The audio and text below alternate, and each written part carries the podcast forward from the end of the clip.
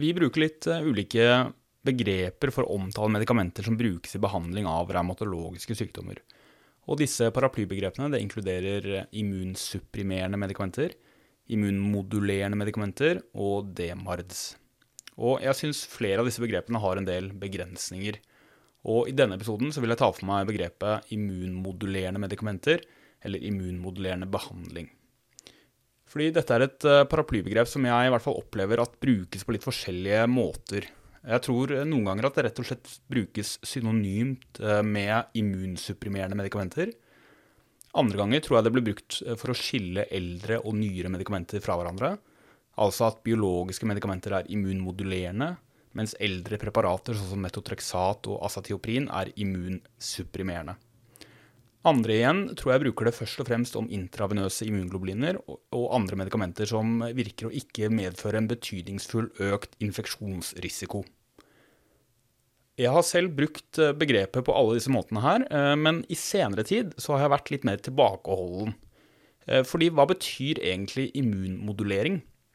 Etter mitt syn så refererer det her til noe som påvirker immunsystemet i den ene eller den andre retningen.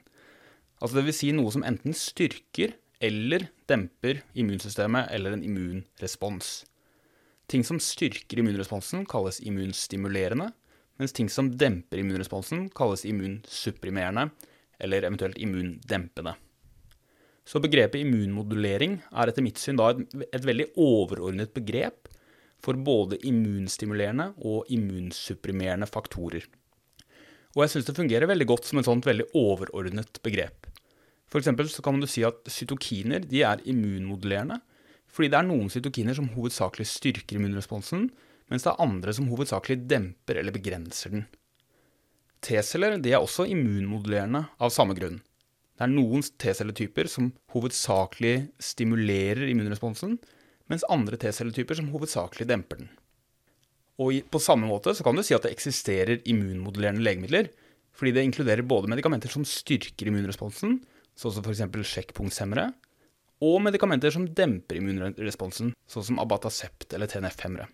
Når vi behandler inflammatoriske revmatologiske sykdommer, så ønsker vi jo selvfølgelig å dempe en skadelig immunreaksjon. Og etter mitt syn så vil ethvert medikament som har en effekt på en inflammatorisk revmatologisk sykdom, nødvendigvis være immunsupprimerende. Derfor så tenker jeg at immunsupprimerende medikamenter er et bedre paraplybegrep for våre legemidler enn begrepet immunmodulerende medikamenter. Et argument for immunmodulerende medikamenter det er at noen av disse legemidlene ikke virker å gi en klinisk betydningsfull økt infeksjonsrisiko. Men betyr denne observasjonen her egentlig at de legemidlene ikke virker immunsupprimerende? Fordi supprimere betyr jo å dempe eller å legge lokk på. Og etter mitt syn så kan man supprimere en skadelig immunreaksjon uten at det kompromitterer infeksjonsforsvaret.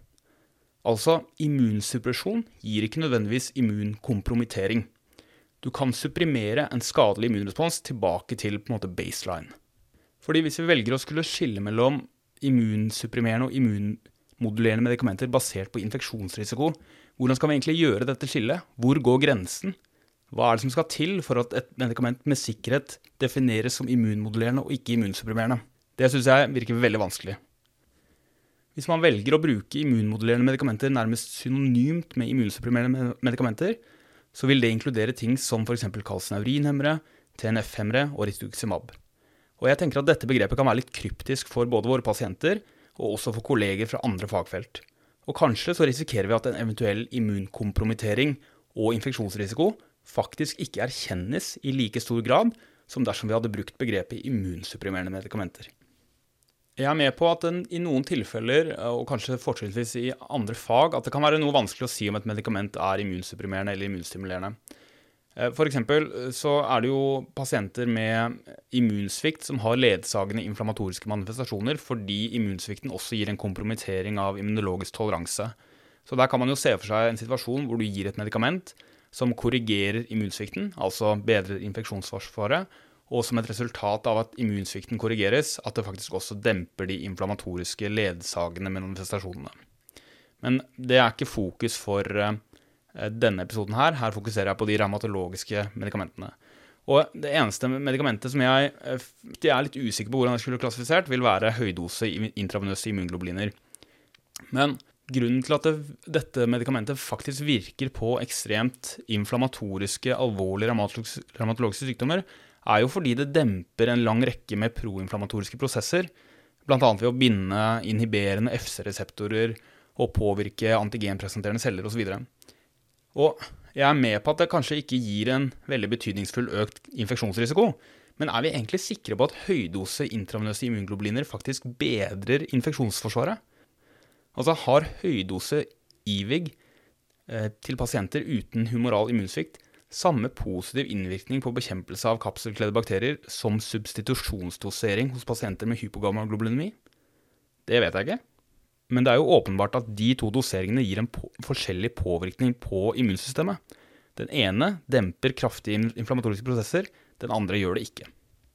Jeg har ikke fasiten på disse begrepene, men jeg syns det er litt nyttig å reflektere rundt det, fordi jeg mener at det er veldig viktig at vi har en felles forståelse for de begrepene vi bruker, og at vi bruker dem bevisst.